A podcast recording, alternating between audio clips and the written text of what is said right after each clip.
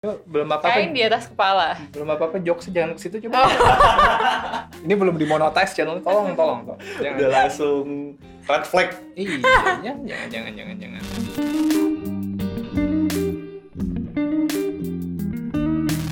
Oh, udah, duduk, duduk, duduk, tenang, anak-anak. Anak-anak tenang Ya, ya. selama masih kalian yang ngedit juga kan. Ah, Udah. sah. Kenapa sih? Ya udah, lanjut aja. Sosokan Ah. Kecuali gitu. punya karyawan ya dia pusing nontonin Sepuluh ribu karyawan kita bisa-bisa divisi editing kepusingan ini menghambat produksi dan mengurangi pemasukan perusahaan. Aduh. Oke, balik lagi balik kakal. Eh, rame sekarang. Senang saya. Hmm. Saya punya teman manusia asli ternyata. Ini tadi disuruh pakai seragam loh, bukan bukan lagi matching-matchingan. Katanya pakai baju abu-abu gitu. Jilbab kan juga keharusan ya di sini ya. Oh. Eh, enggak sih bisa. Ini a fashion statement. Ini Belum ini apa- kain, kain. Belum apa-apa. Kain di atas kepala. Belum apa-apa jokes jangan ke situ coba. Ini belum dimonetize channel tolong tolong tolong. Jangan. Udah langsung red flag. Iya, jangan jangan jangan jangan jangan. Oke. Hari ini mau bahas apa? Vin sudah Hari rame ini nih mau berempat. bahas tentang ah, jadi ceritanya gini ya. Hmm. Ceritanya kita tuh kemarin abis em, riset gitu untuk channel sebelah. Hmm. Risetnya itu Mana sebelah mana? Eh, eh, mana sih poin YouTube? Ini nanti diklik situ, eh Sini. situ, Emang ini channel apa? situ. Nanti bakal diupload di akal. Oh, iya, ini channel akal. sebelah. Hmm. Oke. Iya. Kita riset buat satu salah satu segmen kita mengenai artis in love. Artis. Art Gimana? Artis in love. Kameranya itu. Oh iya. Lupa dari tadi gue ngeliatin itu lagi goblok. Ulang dari awal. Pokoknya itu, itu segmen, segmen YouTube kalian ya. Nanti nanti tak, tak kasih Harus ya. tonton, harus tonton. Oke, iya iya. Iya, nah di situ kita nih mencoba untuk membahas kisah cinta para artis. Terus kita bahas juga karya-karyanya. Nah, yang terakhir kemarin kita bahas itu mengenai Pablo Picasso, Diego. Inside joke banget. Tentang Pablo Picasso.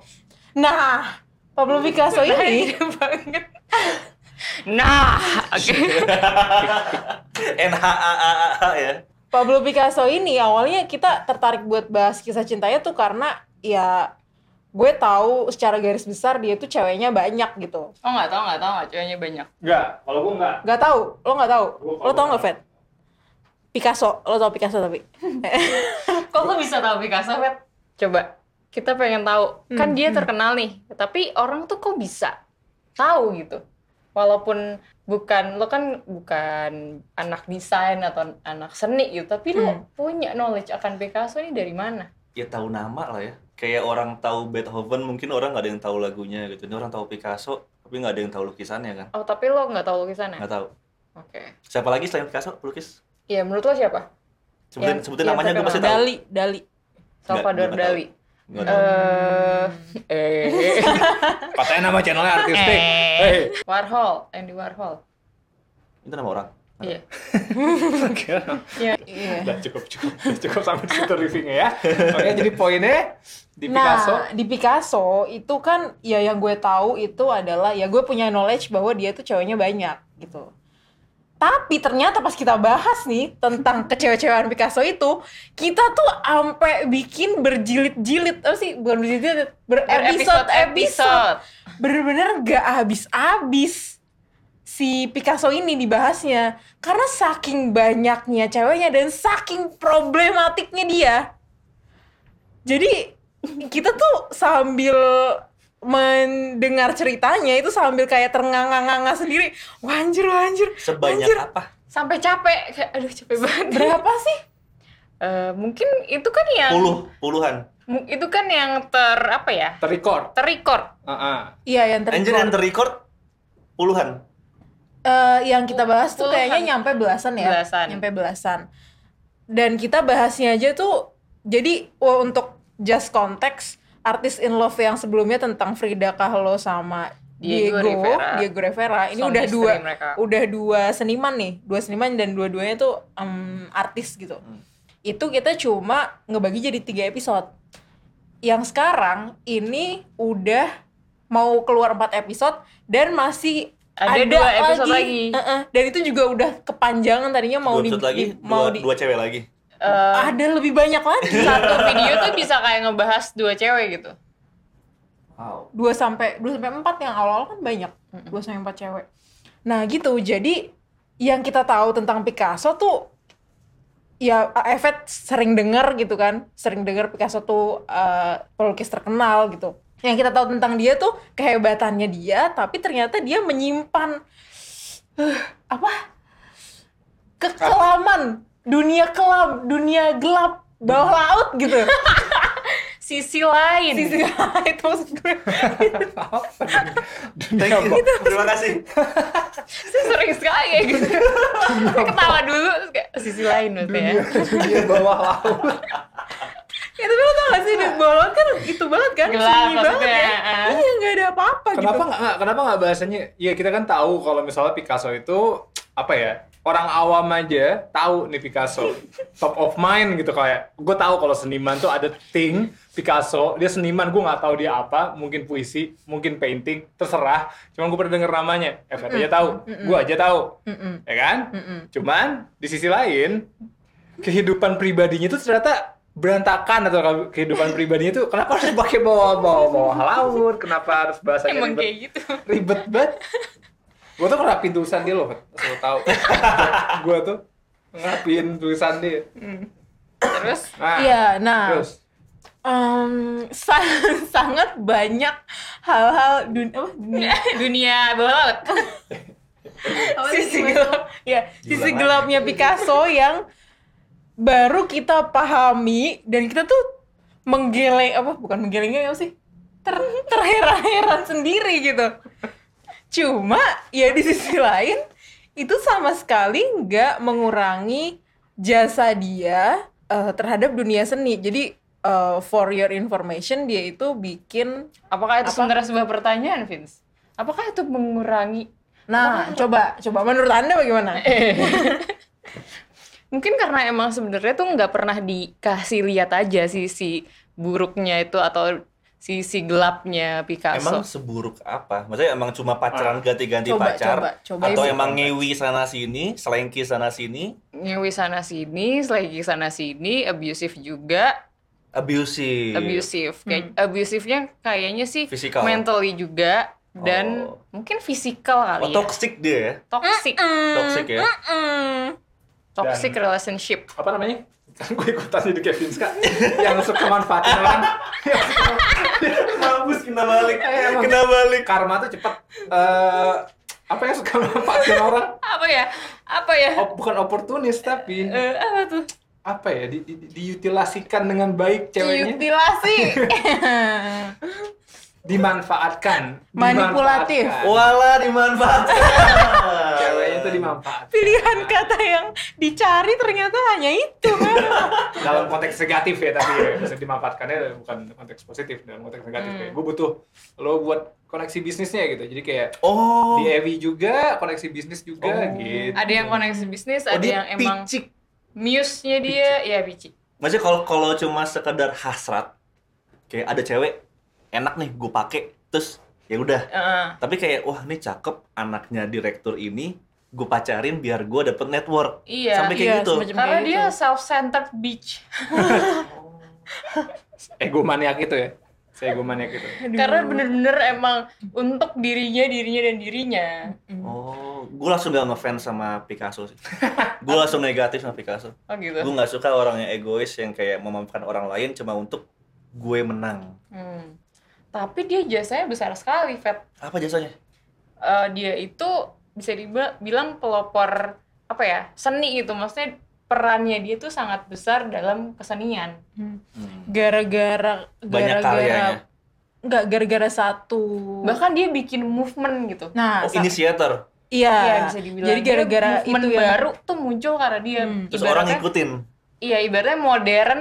Modern itu terjadi karena ada Picasso juga. Oh. Hmm. Bisa nyampe ke sini karena ada stepping stone yang Oh. Picasso aspalin gitu. Ibaratnya kayak musik, gue gak tahu sih musik apa, tapi yang kita anggap legendary gitu. Jimi Hendrix ya. bisa Kayak Nah, di dia- tuh.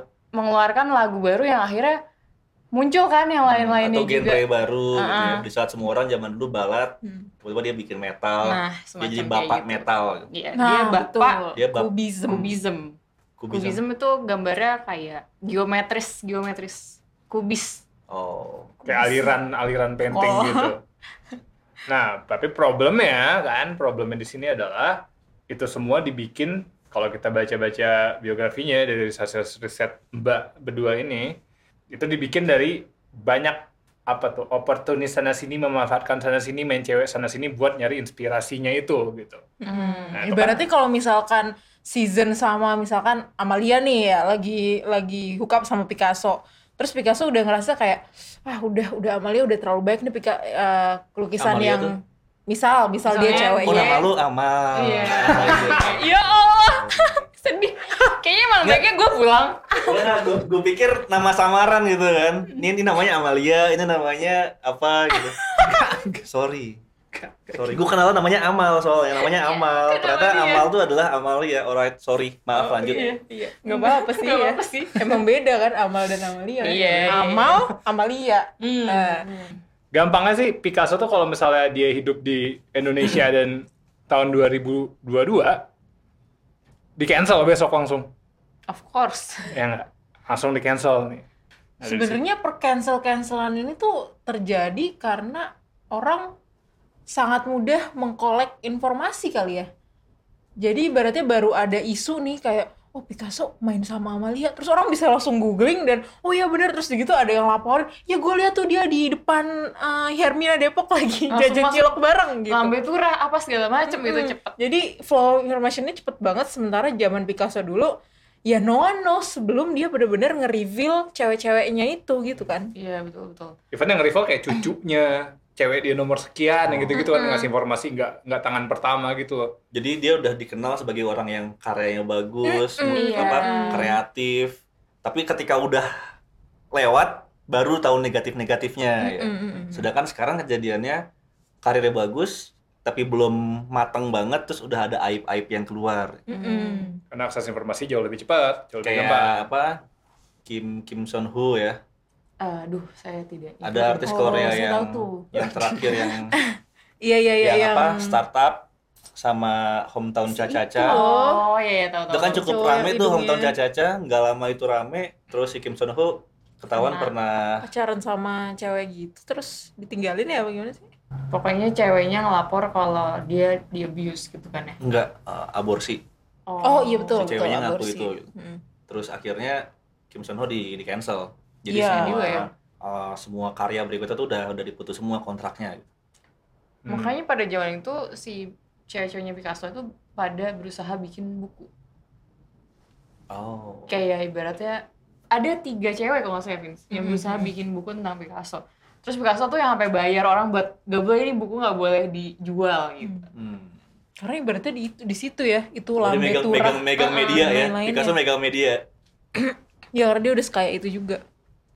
Nah, kan kita udah establish tuh permasalahan percancelan. Akhirnya muncul ya, muncullah pertanyaan di mana bisa nggak sih sebenarnya orang, kalau saya kan seniman nih, cuman in general kayak manusia nih seseorang sama karyanya, entah apa pun deh karyanya, mau dia punya Next Bohemian Rhapsody, mau dia punya Space Oddity, mau dia yang bikin Inception nomor 2, bebas apa pun tuh karyanya, mau dia sese simple bikin ayam geprek yang enak di, pi- di pertigaan sana. Nah, bisa nggak si orang yang bikin sama hasil karyanya itu dipisah?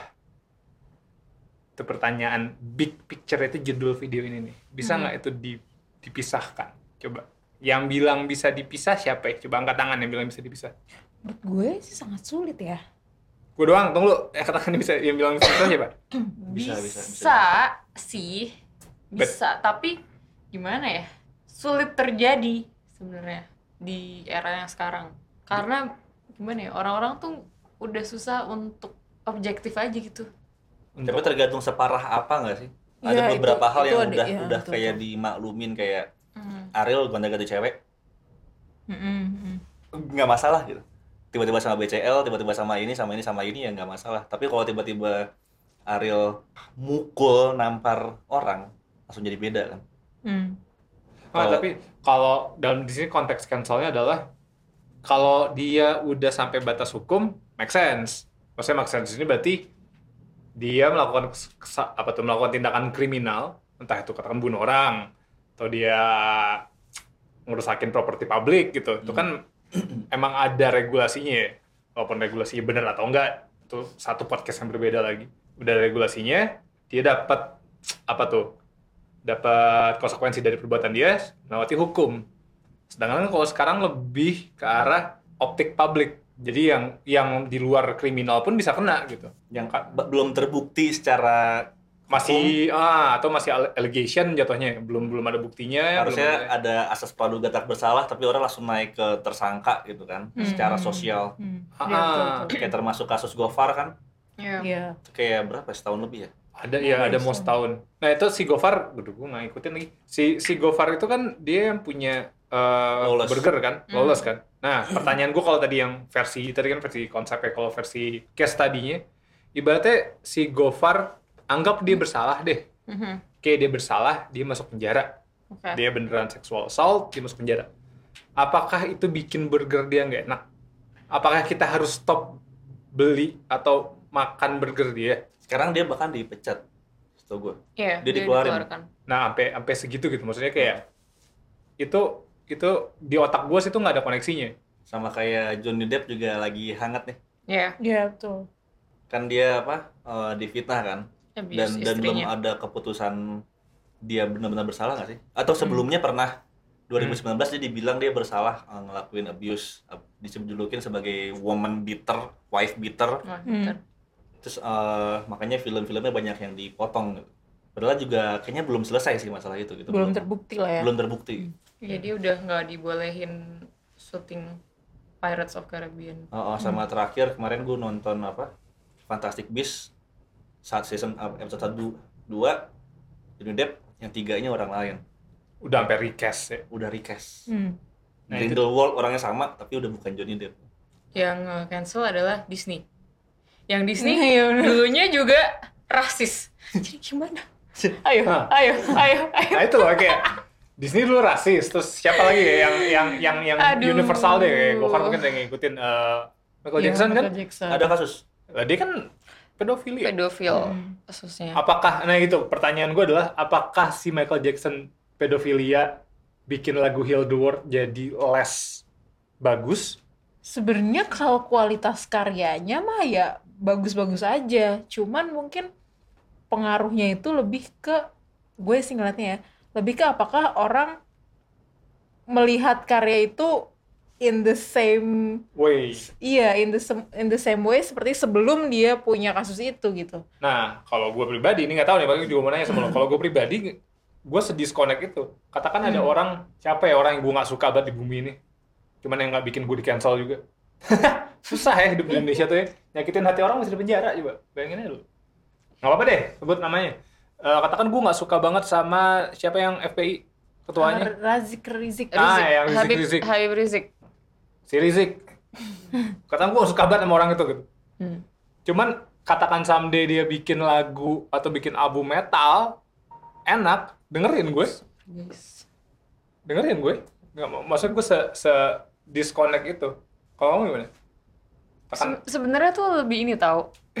ini tuh kepentingan media aja sebenarnya. Karena mungkin Disney nggak mau rusak aja gitu, nggak mau orang jadi pada nggak nonton atau Iya betul betul. ada orang yang semilitan citra ya. itu. Hmm, Iya. Karena manusia seasosiatif itu sama hal kayak gitu. jadi kayak wah Disney jadi mensupport wife beater nih Hmm, cari aman aja sebenarnya. Hmm. Akhirnya asosiasi perempuan dunia jadi ngeboikot Disney mungkin dia Hmm. mengkhawatirkan itu ya Iya. Menurut gue sih lebih ka- karena kepentingan brand iya brand dan media gitu kayak orang-orang yang sekarang mulai bikin-bikin film yang LGBTQ mungkin sebenarnya mereka nggak begitu peduli gitu sama hal itu tapi karena ada karena- duitnya. karena ada duitnya karena ini lagi happening dan Kita dilihat harus kayak wah ini open minded nih ini Iya, nggak ini nggak melanggar ini. cinta as- asas cinta gue sih lebih kayak gitu kalau gue pribadi sih ya nggak masalah aja kalau emang gue suka ya gitu Nggak, nggak berubah. Karyanya sama sekali nggak... Kalau kalau gue kan jatuhnya ekstrim ya. Karyanya sama sekali nggak berubah. Katakan Hmm.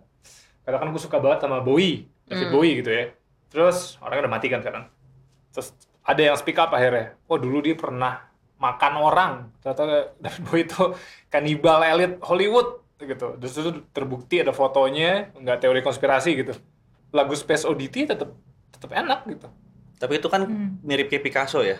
Udah lewat masanya, baru keluar aibnya. ah Hmm. Sekarang kan yang cancel culture tuh, lu lagi di peak lo, di cancel. Mm, ber- berusaha buat bikin dia Nah. jerak gitu. Jadi kayak lu nggak boleh berkarya lagi.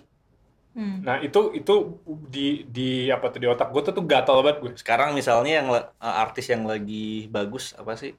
Reza Arab siapa? Bikin Wild- Weird Genius ya. Oh, Dia iya, kan lumayan musik. lumayan masih aktif sekarang. Tiba-tiba Reza Arab ketahuan pernah ngapain di masa lalu akhirnya langsung Weird Genius di cancel gitu. Ya itu yang kejadian per hari ini kan. Iya, Nah itu itu nggak masuk di gue tuh nggak masuk hitungan harus sama- harusnya dia kena kasus tapi dia tetap bisa berkarya. Ya harus. Ibaratnya lo megang kartu as gitu ya kayak bisa kapan kapan dikeluarin aja gitu. Ibaratnya lo pernah nabrak orang di jalan. Kita juga Hmm. nggak tahu sebenarnya mungkin Hmm. masalahnya udah beres apa mungkin di hari H itu lo udah ke rumah si orang yang lo tabrak udah gimana nggak apa-apa kok ternyata nggak apa-apa tapi karena berapa tahun kemudian dia tahu lo itu wah terkenal nih wah gue gue pernah ditabrak gue bilang ah Tabrak lari gitu ya. Iya. Hmm. sebenarnya dengan mudahnya gitu kan dibilang kayak gitu menurut gue rada Tapi ya ya? kejadian kayak Ariel menurut gue yang paling ideal sih. kenapa? Yang apa? uh, sex video kan. Mhm. Itu kan juga sebenarnya cikal bakal cancel culture tuh. Hmm. Tapi kan langsung hukum masuk. Mhm. Akhirnya Nah, di iya, penjara, keluar dari penjara, Oh, iya, berkarya iya. lagi. Orang Hmm. udah lupa. Sedangkan kalau di cancel, dia udah nggak bisa berkarya lagi selamanya. Menurut gue mending kayak kayak Gofar nih. Kalau nggak di cancel, dia langsung ter- terbukti benar atau salah di penjara setahun, abis itu keluar, dia bakal berkarya lagi gitu. Ibaratnya sistem jerahnya tuh udah ya dia udah Udah masuk selesai. penjara. Iya, udah ada punishment. udah ada pas, udah Mendingan dipanis daripada di cancel. Mhm. Uh, Dan gue bukan bilang tadi yang gue bilang gue gue bisa ngebedain 100% total gitu orangnya mana yang karyanya. Cuman kalau misalnya orang yang mau berbuat kriminal, ya gue nggak bilang dia jangan masukin di penjara gue suka lagunya enggak. Eh, Ya- ya udah, masukin tuh- penjara dulu aja. Ya silakan itu proses hukumnya Hmm. lanjutin bebas apa sesuai sama hakimnya sama pengacaranya deal-dealan deh tuh gitu ya berapa tahun berapa tahun nih. Cuman ya lagunya sendiri nggak akan berubah gitu. Yang yang kalau yang terjadi sekarang menurut gue tuh kayak the worst of both world gitu. Jadi kayak lu udah kena hukumnya mungkin kena atau pasti kena kalau lo emang terbukti. Terus lu dapet social punishment juga. Kayak Russell V-nya atau mungkin ya. Di, di ketahuan dia nyogok. juga guys. Coba. Eh, situ, tolong situ, saya situ, salah. situ, Mana situ, aneh. situ. Di ketahuan nyogok, terus Iya kan sayangnya di video. nggak Iya. nggak di penjara gara-gara sopan. mhm. Tapi secara hukum dia lolos, secara society di cancel kan. Mhm. Akhirnya Instagram dia shutdown. Ya Iya, iya. lumayan beberapa bulan. Mm-mm. yang yang kayak gitu tuh yang kayak gitu eh, apa ya gue gue nggak mas nggak masuk tuh di, di otak gue nggak masuk dan gue tahu gue tahu Efet megangnya dia tuh itu hal yang masuk Lu menurut lu tuh masuk ya people power tuh kayak Yes. apa ya authority itu ada di tangan khayalak ramai itu menurut lu tuh hal yang bagus Ini secara apa ya? eh cancel culture itu adalah salah satu utilisasi dari people power. Mhm. Yang mana people power itu bisa jadi bagus, bisa jadi enggak. Contoh bagusnya ini deh, Twitter do your magic. Anak gue hilang udah tiga bulan, udah lapor sana sini nggak ketemu. Hmm. Tiba-tiba seminggu ada yang nemuin, Hmm. langsung ketemu. Hmm. Mana pihak yang berwajib? Itu People bener-bener power pe- win. ah people power bener-bener people power working in positive way itu In positive Iya. way. Hmm. Atau kayak eh, kayak kita bisa kayak gitu itu kan people power ya. Mm-mm. Kayak pemerintah nggak bisa bantu nih, gua sakit tumor. Kalian ada yang mau bantu nggak? Akhirnya sepuluh ribu, sepuluh ribu, sepuluh ribu jadi miliaran dan akhirnya gue bisa operasi dan jadi sembuh berkat kalian, berkat people power.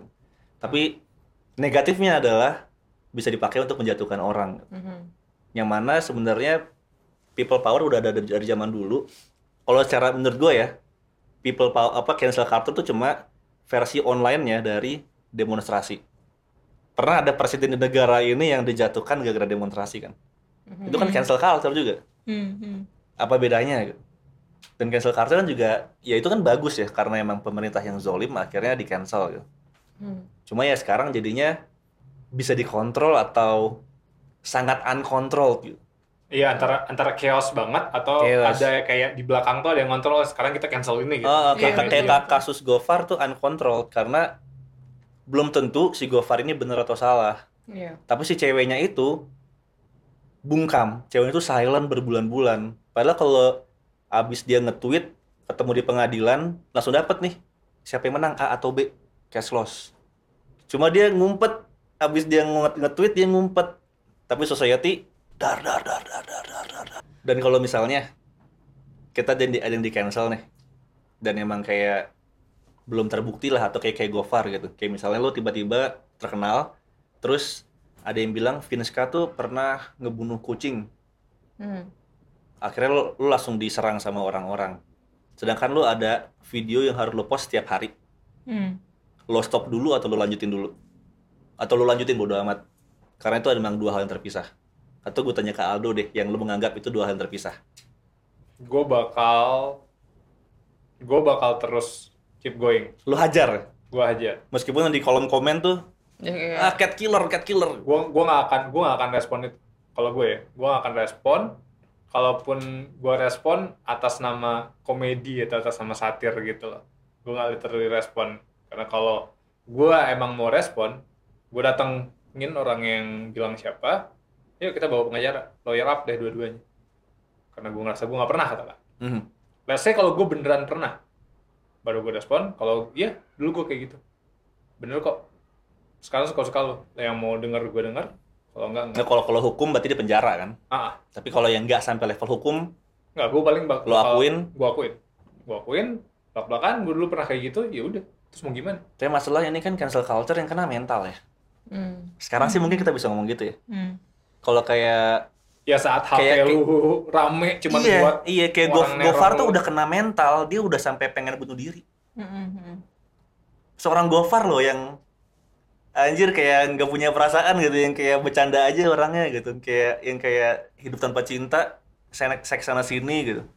Dia bisa kena mental issue gara-gara di bully ya secara virtual ya. Apalagi kita gitu yang nggak terbiasa, yang kayak mungkin ada yang ngatain orang tua lo, lo udah pasti udah marah gitu. Hmm. Dan orang ngerasa ya lo deserve hal itu gitu. Iya. Jadi Oh, mereka iya. udah nggak punya empati. Gofar sampai adik perempuannya sama sama ibunya Kena juga ya. Itu di udah- jalan di pasar Itu udah nggak selain banget di sih. todong kayak eh lo ini ya an- adanya ini ya oh lo ini lo belum sampai dikatain secara langsung di pasar gitu. Ah, Ya, dan di- apa si si cancel ini walaupun nggak nggak literally cancel culture cancel orang kan sering juga kejadian di konteks lain. Kayak kalau ada mass shooting tuh di US biasanya disalahin kan bukan apa-apa misalnya tuh kayak oh video game video game tuh tembak-tembakan makanya ini apa namanya jangan main video game yang kayak gitu. Terus kayak Ah. jangan dengerin musik-musik metal yang gitu-gitu tuh tuh salahnya musik metal. Kebanyakan kayak kayak gitu. Padahal tuh kayak cuman apa tuh ya kambing hitamnya aja gitu. Nggak nggak literally orang yang main game jadinya bunuh-bunuhan gitu. Main Mortal Kombat nggak berarti lu tiba-tiba ketemu orang di jalan pengen lu ambil tulang rusuknya terus lu patahin leher enggak gitu. Berarti Atau- kalau untuk apa masalah cancel culture kan ada dua kubu ya. People power yang nge-cancel orang dengan si victim kan atau si target yang di cancel kan. Ah. berarti menurut lo untuk solve ini people-nya yang di educate iyalah ibaratnya Iya. powernya powernya emang udah bagus banget gitu. Powernya bagus. Iya sih. Cuma penggunaan powernya lebih wise. Cuman si pengguna powernya harus naik collective intelligence ya Hmm. iya Kalau- kayak, kayak misalnya kasus Gofar nih. Mhm. ketika kita semua masyarakat ngebaca itu oh belum terbukti nih. Ya udah nggak gue hina dulu deh gitu ya. Iya, betul betul. iya sedangkan kalau semua orang people langsung power justru kayak eh dong ketemu dong ketemu dong ketemu dong selesaiin dong gitu. Bukan kayak Gofar anjing Gofar ini gitu. Ah itu kan jatuhnya dia kalau gue sih ngeliatnya ya, nggak tahu ini sotonya gue kan banyak dari orang jadi cerita sampai ya. kalau di cancel atau meng-cancel kan tadi si Evet bilangnya itu apa tuh? People, people power. power. people power jadi kalau misalnya people yang nggak bagus terlepas power kan netral ya sama kayak listrik gitu jadi suatu hal yang ya udah power aja gitu energi aja kalau misalnya yang makainya nggak bener ya nggak bener jadi kalau misalnya si people yang nggak bener atau nggak oke ya berarti power outputnya juga nggak oke gitu dan yang paling bikin gue bete nya adalah kalau kayak gitu gitu kebanyakan orang tuh kan cancel siapa ya? Gofar deh. Jadi kita contoh Gofar gitu atau yang kayak contohnya di US gitu kalau ada mass shooting yang disalahin, "Oh itu tuh anak-anak main game. Main game tembak-tembakan, main Call of Duty terus kayak main eh, dengerinnya dengerin musik-musik metal gitu." Hmm. Salah itu jadi jadi apa ya? Jadi wadah mereka mungkin ya salah satu saluran antara salah satu saluran atau satu-satunya saluran buat orang yang selama ini kayak antar nggak pernah didengar atau nggak punya power atau nggak matter saja in general kayak gue nih orang yang gini-gini aja hidupnya bisa take down artis itu loh itu kan ada kepuasan tersendiri itu rame-rame lagi kayak ngeroyok orang rame-rame dan orangnya jauh lebih powerful. Hmm. dia hmm, gitu. Katakan orang tuh tujuh dia mungkin tiga gitu di hidup ini. Punya musuh bersama ya. ah dia bisa bisa seglimpse berapa entah. Kan orang paling nge-tweet berapa lama sih? Nge-tweet terus kayak iya tuh dia Gofar. Udah nggak usah dikasih job aja tuh apa? Dasar brengsek dasar apa gitu. Itu mungkin dia scroll scroll setengah jam nggak nyampe gitu cuman setengah jam itu dia punya sense oh gini tuh rasanya punya power subconsciously tapi Ya kadang emang sebenarnya tuh feeling gue ya jadi tempat pelampiasan emosi mereka masing-masing. Mungkin sebenarnya dia nggak punya penyalurannya, tapi dengan kolom komentar itu jadi tempat untuk apa ya menuangkan emosi kekesalan. Ya mungkin sebenarnya problemnya bukan dari si artisnya, tapi dia ingin aja berada di posisi yang menurut orang-orang gue bener nih ya, berarti nih orang tuh berhak gue bully karena orang salah gitu. Sama kayak Kayak kepuasan gitu. logiknya sama kayak orang India ya. Orang-orang India itu mereka tuh setakut itu sama istri. Mhm. Hmm. Jadi semua eh, stereotip sih ya. Mhm. Cuma banyak banget eh, orang-orang India di yang gue kenal selama gue kerja Hmm. itu istrinya sediktator itu. Hmm. Suaminya kayak mau ngerokok aja setakut itu. Hmm. Cuma jadinya si suaminya itu melampiaskan itu ke kantornya. Oh. Kalau suaminya adalah head of something atau CEO di perusahaannya, dia ganas ke anak ke, ke anak-anaknya karena dia udah di nggak punya power di family dia. Hmm. Dia jadinya melampiaskan itu ke kantornya. Ya Sekali- mung- mungkin mungkin eh, eh, mungkin logiknya sama kayak ya di society si F ini nggak ada nggak ada pengaruhnya. Tapi di sosial media gue bisa nih punya power. Semacam itu kali ya. Iya bisa. Tuh kayak kemenangan-kemenangan kecil aja gitu. Ya.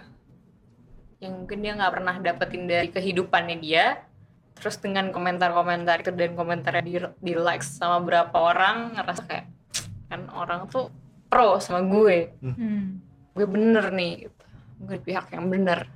Oke sekarang gue nanya nih. gimana kan tadi saya bilang people power. Menurut lo harus ada yang mengatur nggak sih people power ini? Harus diorganisir nggak? Atau dibungkam.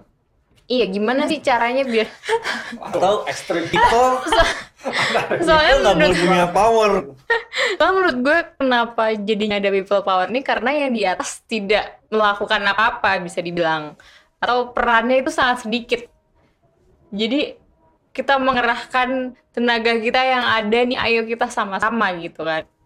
Nah, tapi dampak buruknya tadi kita udah sebutin. Terus gimana dong caranya supaya people power ini bergerak pada hal yang benar gitu? Apakah mereka harus diatur nih, ada yang mengatur? Apa lo? mungkin sih menurut gua kalau people dikasih power, mereka bisa bijak ya. Karena Hmm. orang bijak pasti lebih dikit dibandingkan orang yang apa lawan kata bijak? Nggak bijak. Nah, tidak bijak, benar kali. Benar. Wah, itu kata-kata yang baru saya, saya dengar hari ini tidak bijak lawan dari bijak. bukan bukan itu negasi dari bijak ya. Karena nggak semua orang terlahir cerdas. Itu sih. Jadi mendingan ada penguasa yang mengontrol people gitu. Jadi kayak sekarang ada presiden, presiden mengontrol semua media. That's okay, that's fine menurut gua. Ya paling untungnya kalau dia baik, jadi baik. Tapi kalau dia nggak baik, ya jadi negaranya jadi dikorup kan. Tapi peluang pemimpin orang hebat, pintar tuh lebih banyak dibandingkan rakyat-rakyat jelata kayak gue. Jadi menurut gua sih people power harusnya ditahan. Sosial media harus ditahan, dikontrol. Kalau gue ngambil kalau kalau ngomongnya ke arah situ sih lebih ke di delete, nggak ditahan. Apa yang di delete? Itu Twitter do your magic, Twitternya sendiri hilangin. Karena plusnya oke, cuman minusnya terlalu parah kalau di- diterusin apa ya? Kayak oke sekarang sekarang lu di cancel kalau lu pernah eh, apa contohnya Gofar di ale- ba- baru allegation dia pernah sexual assault. Itu pun sexual assault nggak kayak gue diapain gitu diperkosa gitu. Nggak nggak sampai di level itu. Sampai di titik mana nanti ada lu dulu cancel salah ngomong doang Hal yang tadi bisa di cancel tuh. Nah. Kayak atau di-cancel. atau kayak lu speak up kayak gini atas opini lu itu lu bisa di cancel karena lu nggak masuk ke narasi yang tadi tuh yang people power tadi.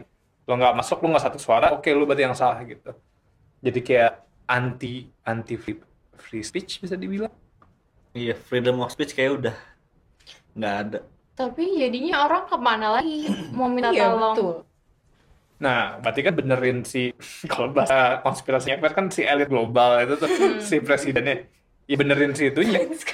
Ibaratnya kalau kalau kalau apa tuh? Kalau pemerintah emang ada lembaganya dan niat dan nggak pada korup, si yang Twitter do your magic juga nggak perlu dilakuin kan sebenarnya. Iya, iya, iya. Kalau menurut, menurut gue kontrol aja gitu. Do your magic kan positif ya. Hmm. Hmm. Ketika emang ada orang anaknya hilang, enam bulan kemudian dia ketemu, akhirnya dia ngomong di Twitter, menurut gue sih fine. Mm-mm. Tapi ketika ada kejadian kayak Gofar, di mana ada cewek tiba-tiba spill the tea, meme-nya digrepe-grepe, yang belum ada buktinya, menurut gua kalau udah ada tanda-tanda ini bakal di cancel, pemerintah langsung nge-delete semua keyword yang ada Gofarnya.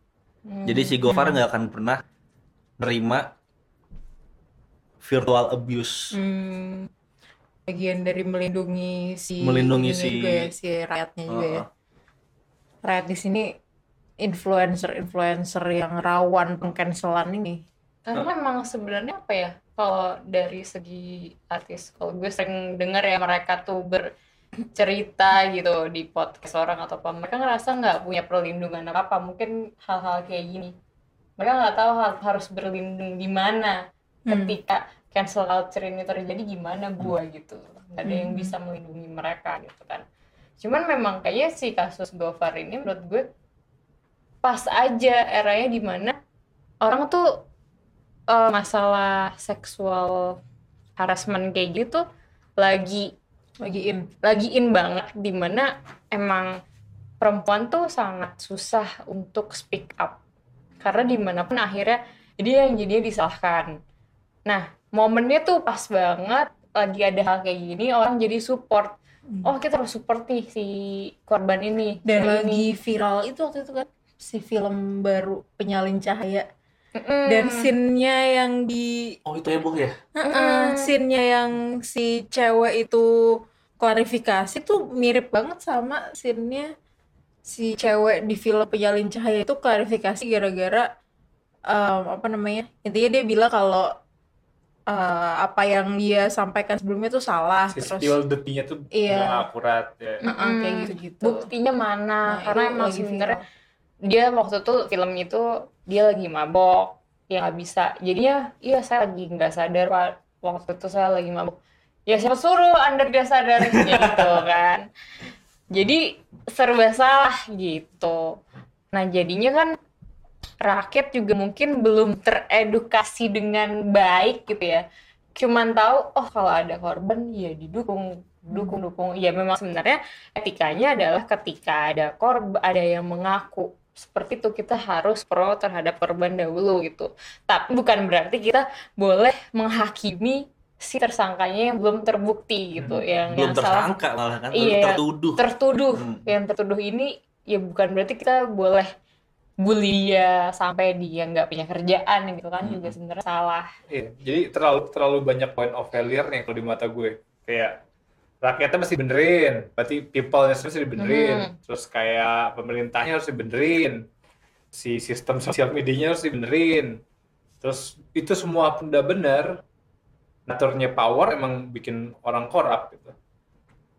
Siapa sih yang nggak bisa siapa sih yang nggak sesuci itu se, se- nggak punya itu. salah itu gitu ya ah, untuk untuk kalau dikasih power segitu gede gak bakal dimisius gitu sekarang katakan di ruangan ini ada yang punya akses ke tombol nuklir kayak pasti udah dilus-lus tuh Ya, kayak "Gak ada tombol nuklir nih ngapain kayak sama tombol nuklir gitu emang natural power kayak gitu jadi kalau dari kacamata gue mendingan gitu. kalau Fed kan lebih ke otoriter kayak ada ada authority yang ngontrol itu benar-benar dipantengin gitu loh. Dan itu kan berarti harus bagus juga authority. Authority apa kabar emang? Hmm. Bagus kok. Pemerintah kita bagus. Wow, wow. Kita kan di negeri awan kinton. Lupa. Nah, coba dari eh ya. Udah ke mana-mana banget nih ya. Iya, makanya jadi coba kita balikin lagi ke pertanyaan awal. Kalau misalnya orang sama karyanya itu bisa bisa bisa dipisah. Kita ngomongin itu ya. Itu bukan cancel bukan cancel culture. Makanya, jadi people power, people power, iya people power. makanya gimana? Bisa bisa nggak? Bisa dipisah nggak? Dua dua entitas itu Harus dicoba untuk dipisahkan menurut saya. harus dicoba untuk dipisahkan. Kayaknya mesti disadarin dulu bahwa itu tuh dua entitas ya. Soalnya kadang orang nggak melihat itu sebagai dua entitas. Netizen, rakyat-rakyat yang merespon terhadap si fenomena artis sama artnya ini tuh melihat mereka tuh jadi satu aja gitu. Jadi ketika salah satunya salah ya ini orang udah ya cancel gitu. Nah mungkin first thing first lo harus bisa lihat kalau itu tuh dua entitas berbeda Mhm. dan uh, punya ini kali ya punya punya kemampuan dulu mesti kita tuh lihat dulu apa yang salah dari si orangnya ini dan apakah kesalahan itu tuh emang matter atau enggak gitu? Mm-mm. lebih jatuh lebih kritis kan? Lo, lo, iya lebih, balik, balik lagi ke situ ya. Lo lebih kritis. Hmm. cuman kan di era yang tadi kali ini bisa kejadian. Kenapa di zaman Picasso nggak kejadian? Di sini kejadian gitu. Mm-mm. informasi udah segitu apa tuh turbulence-nya bukan informasi itu bukan kayak keran lagi. Mm-mm. kayak tornado gitu loh. Tornado informasi. Lu lu katakan sekarang gue mau tahu Gofar gimana sebenarnya itu tuh tergantung banget sama personal search gue bias gue Mm-mm. algoritma Mm-mm. news mana yang gue buka agenda apa newsnya gitu. Udah se segitu parahnya lu nggak tahu lagi yang fakta beneran itu yang mana sih gitu. Kalau misalnya yang karya tadi problemnya adalah menurut gue tuh bener oke lah dipisah gitu. Itu itu step pertamanya. Step selanjutnya nggak tahu step selanjutnya tuh kayak gara-gara informasi udah terbuka ini nggak tahu mau berhenti internet. Yang kayak pernah kita podcast Fat. Kalau gua malu putusin aja internet dulu. Bener-bener di karantina dulu kayak Jepang dulu di, di karantina isolasi dulu benerin dulu baru orang luar bisa masuk baru informasi luar bisa masuk. Kita waktu itu jokingly cuman kayak abis beres ngeteknya sebenarnya make sense sih gitu. Kalau itu dilakuin gitu. Kayak lu bener lu lu belum belum berhak atau belum belum bisa bertanggung jawab kalau dikasih akses informasi. Karena lu nggak tahu cara milah informasi gitu. Di in general gitu. Cuman kalau konteksnya ke karya gue punya pertanyaan baru nih jadi pikiran. Sampai di mana si artisnya oke gue bisa misahin. Cuman kalau misalnya artisnya bilang cara saya kayak gitu gimana? Kalau Picasso saya itu, bilang ya kalau gua mau melukis gua harus mencewek atau katakan kalau Ariel mau bikin dan mungkin bila nanti itu harus bikin video seks. Itu gimana? Saat artisnya bilang kayak gitu apa? Harus ngapain gitu? Sama kayak orang kalau mau kreatif harus narkoba dulu ya. nah kayak gitu-gitu. Hmm. Oke gitu mainnya udah moral sih. Kalau misalkan itu sampai beneran verbally stated gitu ya kita udah sama-sama bisa objectively bilang kalau dia sakit lah kalau udah kayak gitu. Menurut gue sih ya. Nggak Di bisa sini dipindah kan- dong berarti. iya. Eh, soalnya di sini kalau misalkan itu tuh nggak diakuin banget gitu ya nggak di kayak kayak abu-abu gitu. di state kan. Iya kalau nggak di state itu kan possibility masih endless banget kan. Masih bisa macem-macem banget dan itulah kenapa itu akhirnya jadi bisa dipisah gitu. Kalau misalkan itu udah terstated ya artinya lo jatuhnya sebagai audience lo choosing apakah lo mau mengkonsumsi karya yang seperti itu atau enggak gitu menurut gue sih gitu jadinya kan Sudah berarti intentionally gitu ya. Uh-uh. Dari Jadinya si udah kebungkus tuh akhirnya udah bukan dua identitas lagi jadi dia malah udah menyatukan itu my art is ya gini gue as an artist gue emang main cewek atau misalkan apa gitu Ah, sebagai proses pembentukan karyanya. Ritual. Jadi kayak hal yang morally dilihatnya negatif hmm. adalah proses dia.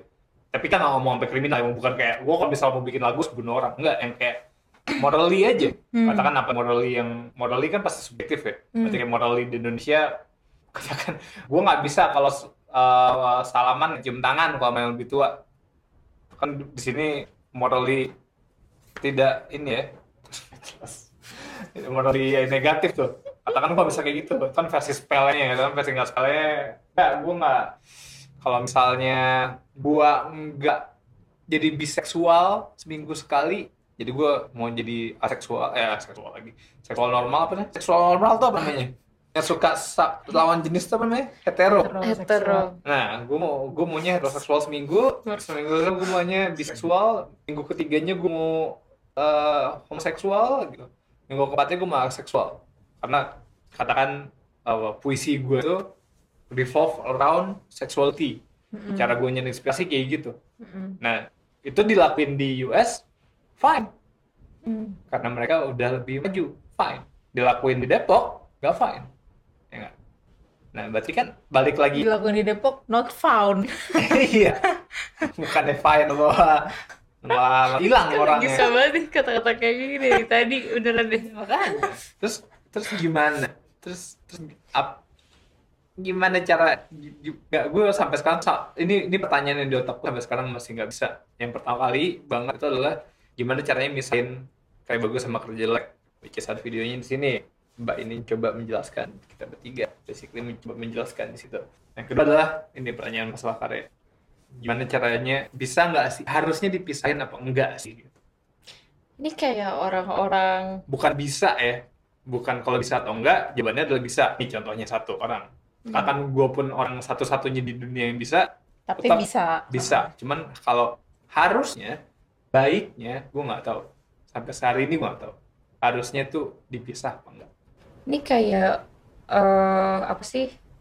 Zaman-zaman orang suka ngeboikot Coca-Cola, Starbucks karena Israel. Israel. Nah itu dia orangnya nih ini dia nih yang lagi rasbak nih dulu nih. Apa lu lu? Ya enggak sih sebenarnya sama kan kayak gitu. pembenci Israel dulu dia. Anti Sekarang Zionis. udah- anti Zionis bener sembuh untungnya. Pro Zionis. pas langsung oh iya kata mereka pinter. Iya kan sama kan kayak gitu.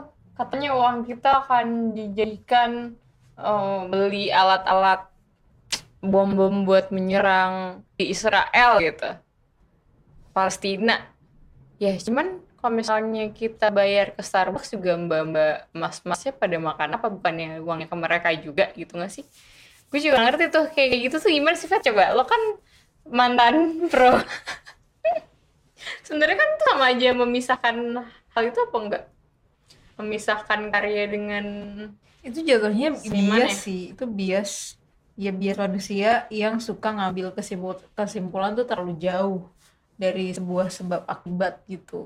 Jadi itu tuh udah chain banget kan. Ya mungkin memang ada lah ngaruhnya misal berapa Satu rupiah, gitu. Mis ya, tapi itu hanya satu rupiah gitu. Cuma tapi ntar di counter lagi dengan ya satu rupiah kalau misalkan yang beli ada 100 juta. juta, manusia kayak gitu jadi ya cuma kan maksudnya efeknya itu bukan efek yang langsung dan juga bukan efek yang beneran ada gitu loh. Itu maksud gue itu tuh jadinya bias orang lagi kalau misalkan ngambil kesimpulan terlalu jauh.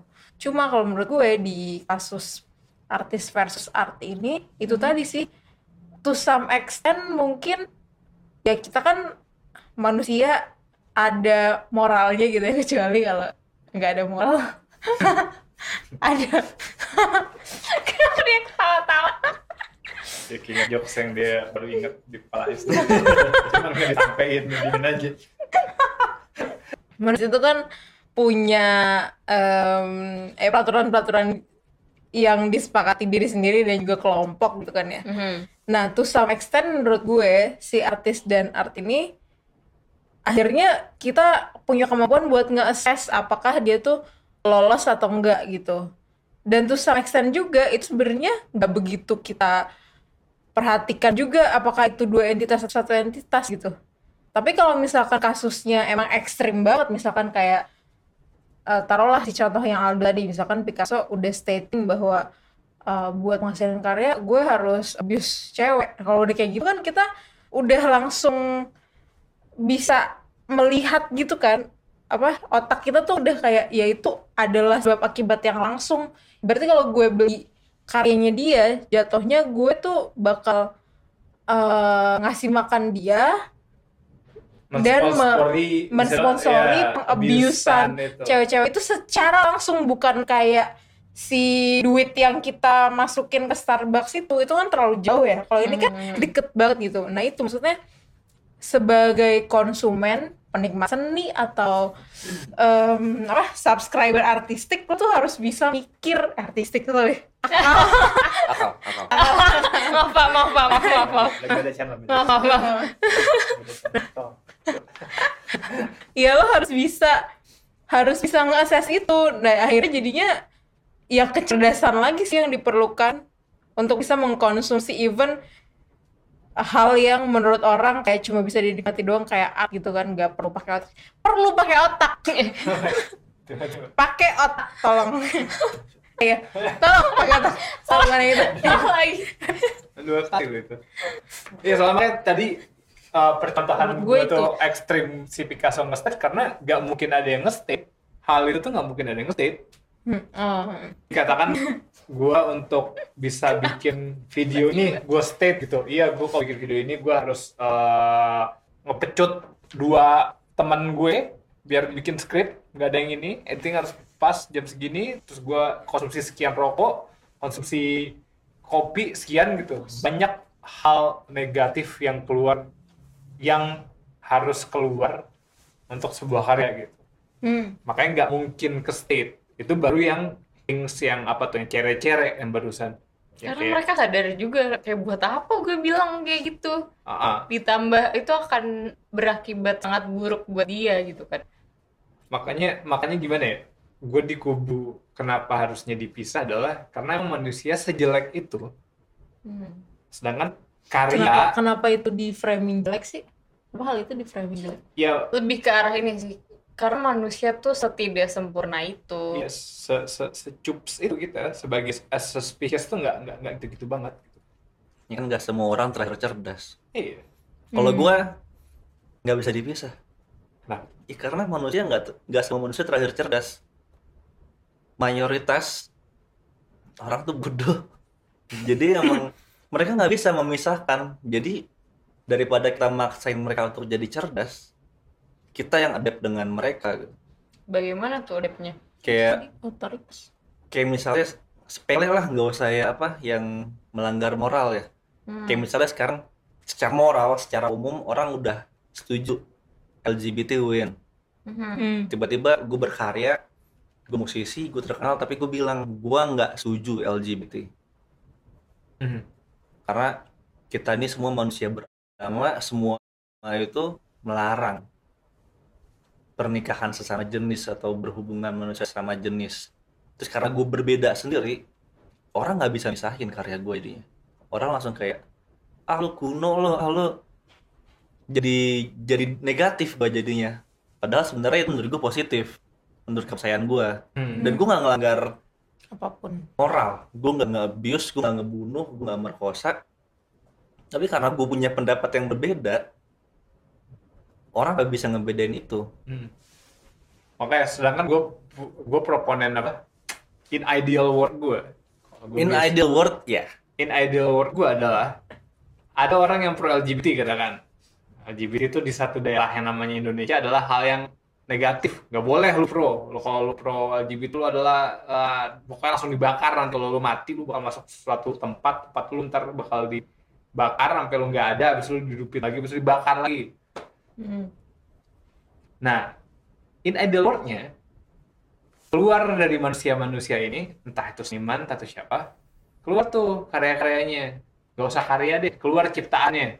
Ada bentuknya karya, ada bentuknya ayam geprek, terah, bebas. Bentuknya lagu, ada bentuknya film, bebas. Yang satu pro, yang satu kontra LGBT. Ininya nggak penting. Gue pengen orang ngelihat film mana yang lebih bagus ngebahas dua hal ini. In ideal world sih kayak gitu. Ya, Jadinya penontonnya ngelihatnya dari kacamata sinematografi dan kacamata pembuatan film, kacamata storytelling, sama dapat narasi. Oh, yang pro itu datangnya dari sini ya. Yang kontra datangnya dari sini ya. Oke, gue bisa lihat dua-duanya. Berarti pilihan gue di sini. Karena gue punya referensi dua ini, dua hal ini, dua karya ini, sama histori katakan keluarga gue, histori teman gue, sosial gue kayak gimana. In ideal world, ya nggak? itu kan akan kejadian. Kenapa nggak akan kejadian? Kata Bapak Efet tadi. Karena manusia bego-bego. Enggak semua manusia terakhir cerdas. Lu nggak bilang semua, semua manusia bego enggak. Tapi enggak semuanya aja cerdas. Dan ketika cerdas pun bisa, bisa juga sesaat dia tidak cerdas juga sih. Iya, makanya kan. Jadi menurut gue tuh dipisah, dipisahnya tuh dalam sisi itu gitu. Kenapa, kenapa terus dipisah? Karena manusia jelek. Kalau karya, isi karyanya jelek. Maksudnya isi karyanya secara katakan lagu nih. Liriknya tentang, oh bom aja tempat itu, bom aja rumah itu, atau kayak ledakin aja, bunuh mereka. Tapi bisa jadi karya yang bagus itu bisa jadi lagu yang enak atau itu bisa jadi film yang bagus gitu selama dia terstruktur tentang narasinya around itu mungkin itu paradoks mungkin liriknya tentang itu padahal pesannya adalah anti tentang itu. Itu banyak banget seniman pakai kayak gitu. Kalau ngeliat interview-interview Marilyn Manson, Korn gitu banyak banget ya. liriknya tuh tentang bunuh ini apa segala macam. Dia padahal pengen nyampein jangan kayak gitu kalau kayak gitu jadi kayak gue. Nih lihat gue sekarang pakai topeng monster gini. Ada juga yang oh enggak bikinnya pengennya bikin adem. Gitu jangan ngebunuh literally dibilang jangan ngebunuh bunuh itu dosa atau apa segala macem gitu dibuat dengan cara yang adem. Dua-duanya lagu akhirnya. Dua-duanya bisa diimprove dua-duanya bisa apa tuh? Ditelaah dari sisi keilmuan lainnya bukan hanya dari sisi narasi gitu. cuman nggak itu nggak tahu kejadiannya kapan itu. Apa tuh? Ideal world ini tuh nggak tahu kejadiannya kapan. Dan gue nggak tahu juga step pertamanya apa. Step pertamanya mau di ot- bikin otoriter dulu negaranya? Atau step duanya eh step pertamanya di delete dulu twitternya atau pemerintahnya dulu rakyat dulu gue nggak tahu step pertama buat itu bisa kejadian. Di mana semua orang kayak oke gue lihat poin A gue lihat poin B. Gue kayaknya AB deh gitu. kan gue bisa lihat dua-duanya. Cuma secara lagu sih enakan enak enakan nih. Hmm. ya sama kayak Gofar. Oke gue bisa lihat si Gofar dari titik yang ini. Gue juga lihat dari korbannya sih. Gue nggak tahu mana yang bener yang mana. Cuma lolos menu burger yang pakai garlic extra garlicnya enak sih Hmm. nggak jadi kenapa kenapa kan si lolosnya karena kita ngelihatnya satu es burger satu es case tadi manusia aja. Secara hukum secara moral gitu. Ya satu makanan. Kebetulan bikin sama orang yang sama. Karena udah menjadi kreasi yang baru juga, jadi udah satu entitas sendiri gitu. Jadinya seakan-akan udah beda gitu loh. Ya udah ini kreasi gue, dia dia sebagai diri dia, dia sebagai kreasinya gitu. Gue ya gue, kreasi gue kreasinya ini udah gitu. Berarti kalau misalkan mau ditarik terlalu jauh juga, kayak bisa aja kita ngomong, misalkan kita cancel Picasso gitu ya. Ya cuma sekarang hal-hal yang lo lihat di sekitar lo itu influence baik banget dari Picasso gitu kan. Jadinya ya kalau misalkan lo pakai hal itu lo pro Picasso dong kayak gitu kan. Jadinya ya nggak bisa sejauh itu. iya Cuma gue mau nanya deh, eh ada gak sih yang akhirnya hmm, seniman yang akhirnya untuk menghindari hal itu ya, untuk menghindari dia disangkut pautkan sama karyanya, dia akhirnya mengkonsil dirinya jadi jadi tuh dia ngasih ngasih ke publik karyanya seperti ini cuma gak ada yang tahu itu tuh yang buat siapa kayak gitu gitu ada gak sih? Hmm, mungkin itu basic dasarnya ini kali ya nama nama panggung kenapa Oh. kenapa Nazril Ilham harus jadi Ariel atau kenapa David Jones eh ya Itu ekstrimnya yang yang marshmallow ya, apa yang Oh iya iya yang yang pakai topeng ah, itu. yang itu Atau ya. Daft Punk gitu Atau Ah, apa? Yang yang monyet, yang monyet. Gorillaz, Gorillaz. Gorillaz. Ah. band Jepang, visual kei semua, kenapa datang-datang ke atas panggung kayak karakter film fantasi semua, Slipknot pakai topeng, itu Marilyn Manson nama aslinya siapa sih? Itu gue googling. Van Gogh juga kan dia terkenalnya setelah dia mati. Brian Hugh Warner nama aslinya. Dia aslinya Marilyn depresi Manson. banget orangnya. Itu cowok, bukan cewek. Oh, itu Marilyn Monroe yang cewek. Dan ada bahasanya udah yakin banget tuh. Dan ada bahasanya orang yang eh, berkarya terus sendirian dan dia nggak ngasih lihat karyanya sama sekali. Tapi gue lupa nama bahasanya tuh apa. Istilahnya, ada istilahnya. istilahnya. Terus eh, baru pas dia mati dia ngasih tahu dia tuh sebelum dia mati dia ngasih lihat karya-karyanya dia gitu. Ada ada bahasanya tapi gue lupa. Tapi emang kalau Van Gogh ngakuin itu secara intensional dia nggak mau diiniin. kalau Van Gogh nggak. Tapi Emang ini aja kan. Emang dia nggak intentional. nggak nggak intentional. Emang dia nggak terkenal aja, baru terkenal pas dia Hmm. mati gitu. Hmm. Kayaknya itu pers- apa sih si, si nama panggung itu tuh salah satu bentuk itu kan bentuk agak ekstrim ya. Mhm. Cuman kalau kayak nama panggung kan hampir Ayu Ting Ting aja kan nama panggung. Mm-mm. Nama aslinya nggak tahu Ayu siapa gitu. Ayu Suryati maybe gitu. Tapi personalnya tetap ke bawah. Karena dia nunjukin mukanya. Iya, kalau itu kan jatuhnya lebih ke untuk komersial aja Iya, kayak ya. kayak Ariel pun person pribadinya di ke bawah banget. Jadinya nggak asik aja kalau uh, Bang Nazril, Bang Nazril gitu kan kayak. Ya jadi ada ada Harus topeng banget kalau mau misahin antara personal dengan karya. Hmm. Ya, makanya sih, makanya visual kei kalau di Jepang ada kan hal yang namanya visual kei. Yang sampai dia kalau bikin kayak behind the scene-nya, mereka nggak mau kelihatan mukanya cuma dagunya doang. Hatsune Miku gitu ya. Nah, kayak VTuber, Hatsune Miku kan cuma hologram doang. Tapi kan emang itu bukan orang. Eh, itu emang. gue pikir emang ada orang yang mau mengideakan diri dia gitu loh. kayak menurut menurut gue sih salah satu salah satu nggak tahu tuh nggak tahu intentional apa nggak ya artis gue juga nggak tahu nggak kenal nggak pernah nanya nggak pernah ngobrol nggak pernah bareng cuman mungkin itu salah satu caranya biar dia juga bisa bisa misahin gitu mana yang gue di atas panggung mana yang gue ya personal life gue gitu paling problemnya kalau di Indonesia ini personal life artisnya kayaknya dikudak abrik banget. Kayak lu lu makan tadi siang pakai apa aja itu suatu hal yang bisa dijadikan berita gitu. Airtime TV loh itu. Nasional. Menurut Artis pendapat Lesti ya. makan nah ya. itu gitu. Kayak atau nggak dia baru beli apa artis makan pete dia baru beli eh, kaos kaki atau kayak habis lagi sakit lagi sering sakit nih makanya dia beli vitamin ini gitu gitu kan di, diberitain nih. Sedangkan kalau banyak kayak kayak lo nggak mungkin tiba-tiba datengin Slipknot ke trans ke empat mata terus tanya gitu kayak tadi makan apa enak nggak sih goreng dengan topeng kayak gitu pasti orang udah kayak nggak mau gitu lo, lo interview orang lain aja bukan gue orangnya gitu Kayak karena kita punya gap ngelihat orang eh gimana ya? Kita ngelihat orang kayak gitu wah banget gitu. Jadinya kayak gitu tuh eh, seniman atau artis ini tuh jauh banget dari kita. Ngelihatnya tuh bener-bener kayak superhero gitu up yang gitu ya. yang nggak punya kekurangan sama sekali. Jadi ketika mereka ketahuan sedikit, wah berbuat salah. Masa seorang, misalkan kamu artis Vince Catania berbuat seperti ini, wah. Karena kita dia ngerasa lo kan harus lebih dari gue, kayak betulnya ngelihat dia tuh semi Tuhan atau kayak nabi gitu.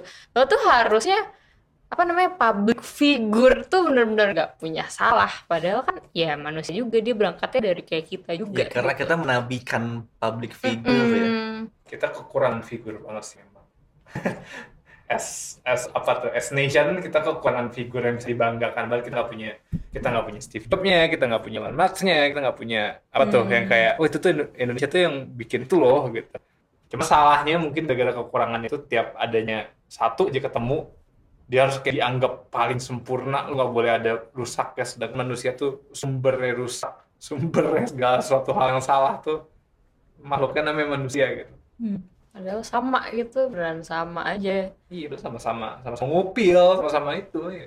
Oh ternyata Raditya Bayu makan pete juga. iya makan di kaki lima juga itu kan tempat gua biasanya makan lah iya udah dia lo bisa ke situ dia juga bisa ke situ dong apa yang Ya kalau di Salah. Reddit tadi kan bilang emang orang tuh suka sama dua hal. Orang biasa ngelakuin hal yang luar biasa Ah, atau orang luar biasa ngelakuin hal biasa. hmm, Nah ini kayak gila kan gue ngefans banget sama Lesti. Oh dia makan pete juga kayak gue.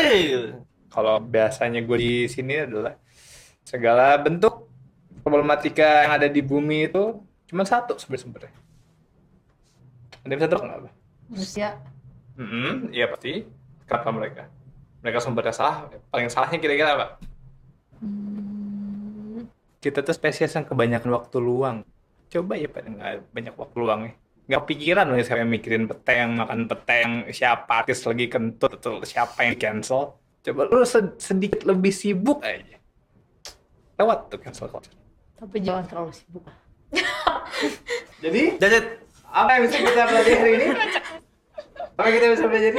Nggak ada pastinya. Kita kan ngobrol doang. Juga di balik akal kalau misalnya ada yang mau ada isinya, pergi ke channel mereka. Ya. Pergi ke video kita juga video reguler kita.